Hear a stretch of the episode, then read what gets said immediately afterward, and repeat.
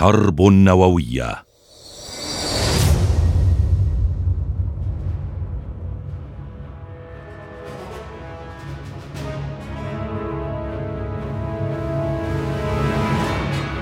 المحرقة النووية أو نهاية العالم النوويه هي سيناريو نظري يتضمنه ما يؤول إليه استخدام الأسلحة النووية من دمار شامل وتداعيات إشعاعية. تقتضي انهيار الحضارة وكأن العالم بعدها مختلف تماما عما قبلها. حرب عندها تتوقف خطط البشرية المستقبلية كافة. تدمر كل شيء لسنوات قادمة رغم علمها بما ستؤدي إليه. فهل ستطلق روسيا صواريخها النووية بوجه العالم؟ نووي روسيا خطر على العالم. فهل سيضرب بوتين بالنووي؟ هي حرب يعلم الجميع مداها ويعرف العالم بأسره مخاطرها. فما يبدو في أحشاء اليابانيين حتى اليوم من إشعاعات نتيجة القنبلة النووية التي أطلقتها الولايات المتحدة الأمريكية على ناكازاكي وهيروشيما. لخير دليل على أن مستقبل البلد الذي سيتم قصفه بهذه القنبلة خطر شديد قد يدمر العالم. رغم التهديدات المتكررة باحتمالية ضرب أوكرانيا بالسلاح النووي حال هزيمة الروس في تلك الحرب عندها لابد من الوقوف ثانية للتفكير فيما سيتبقى من العالم حينها. فعندها ستنهار الحضارات. اذا هل بات السلاح النووي هو الحل الآن؟ اضرب بوتين اضرب بوتين. كلمات تتكرر كثيرا في الأبواق الإعلامية الروسية المؤيدة للنظام الروسي في حربه على أوكرانيا. لطالما هدد قيصر روسيا باستخدام سلاح نووي في هذه الحرب ولطالما أصدر أوامره لقوات الردع النووية بالاستعداد لنشوب حرب نووية. فهل سيفي بوتين بتهديداته للغرب؟ ولم يكتف بوتين بتهديد أوكرانيا بتلك الحرب. بل هدد الغرب تارة وبريطانيا تارة أخرى رغم علم جميعهم بنتيجة تلك الحرب وعواقب استخدام هذا السلاح الفتاك. منذ بداية الحرب في أوكرانيا أعطى بوتين إشارة الاستعداد لقوات الردع النووية خاصته كما أطلق الكثير من التهديدات بالضغط على الزر النووي إذ هدد ديمتري ميدفيديف نائب رئيس مجلس الأمن القومي الروسي بضربة حال المس بجزيرة القرم.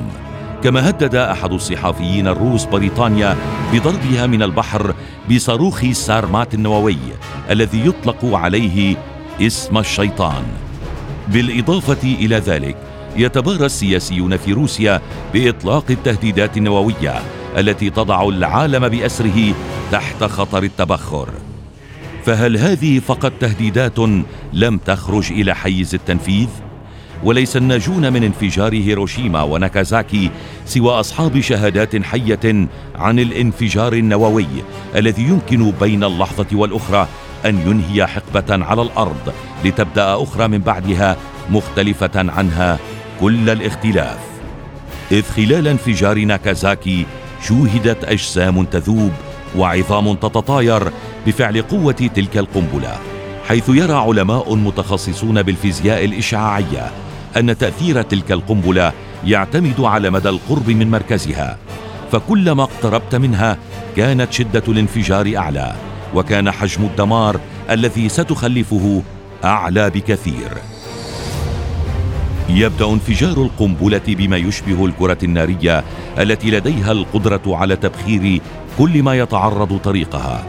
ويعلو هذه الكرة النارية سحابة سوداء من الأدخنة الناتجة عن احتراق تلك المواد المشعة تشبه الفطر. كل ذلك يحدث في الهواء فما بالك بما سيحدث على الأرض؟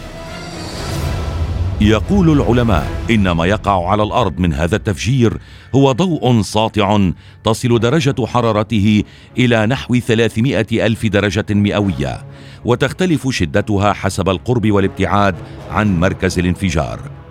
هذا الكم من الحرارة الشديدة يمكنه تحليل البشر وتحويلهم إلى ما يشبه الرماد أو الكربون ولن يعوقها شيء.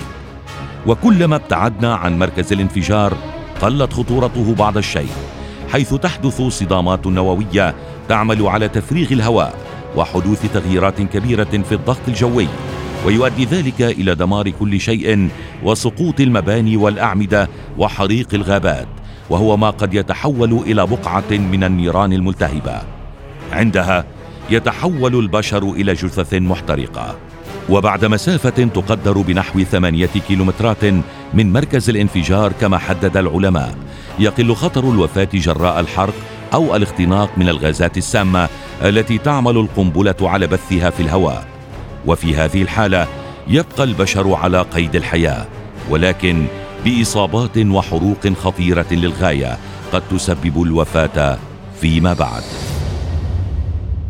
هذا التفجير ينقل الأمراض الإشعاعية من أجيال إلى أجيال. ويصاب من نجا بالعمى أو بالحروق التي تصل إلى الدرجة الثالثة. تتغطى منطقة الانفجار فيما بعد بسحابة من الغبار الإشعاعي الذي يتساقط على الماء فيشرب منه الطير والحيوان وتمتصه التربة. كل ذلك ينتقل إلى البشر ما يسبب لهم أمراض السرطان.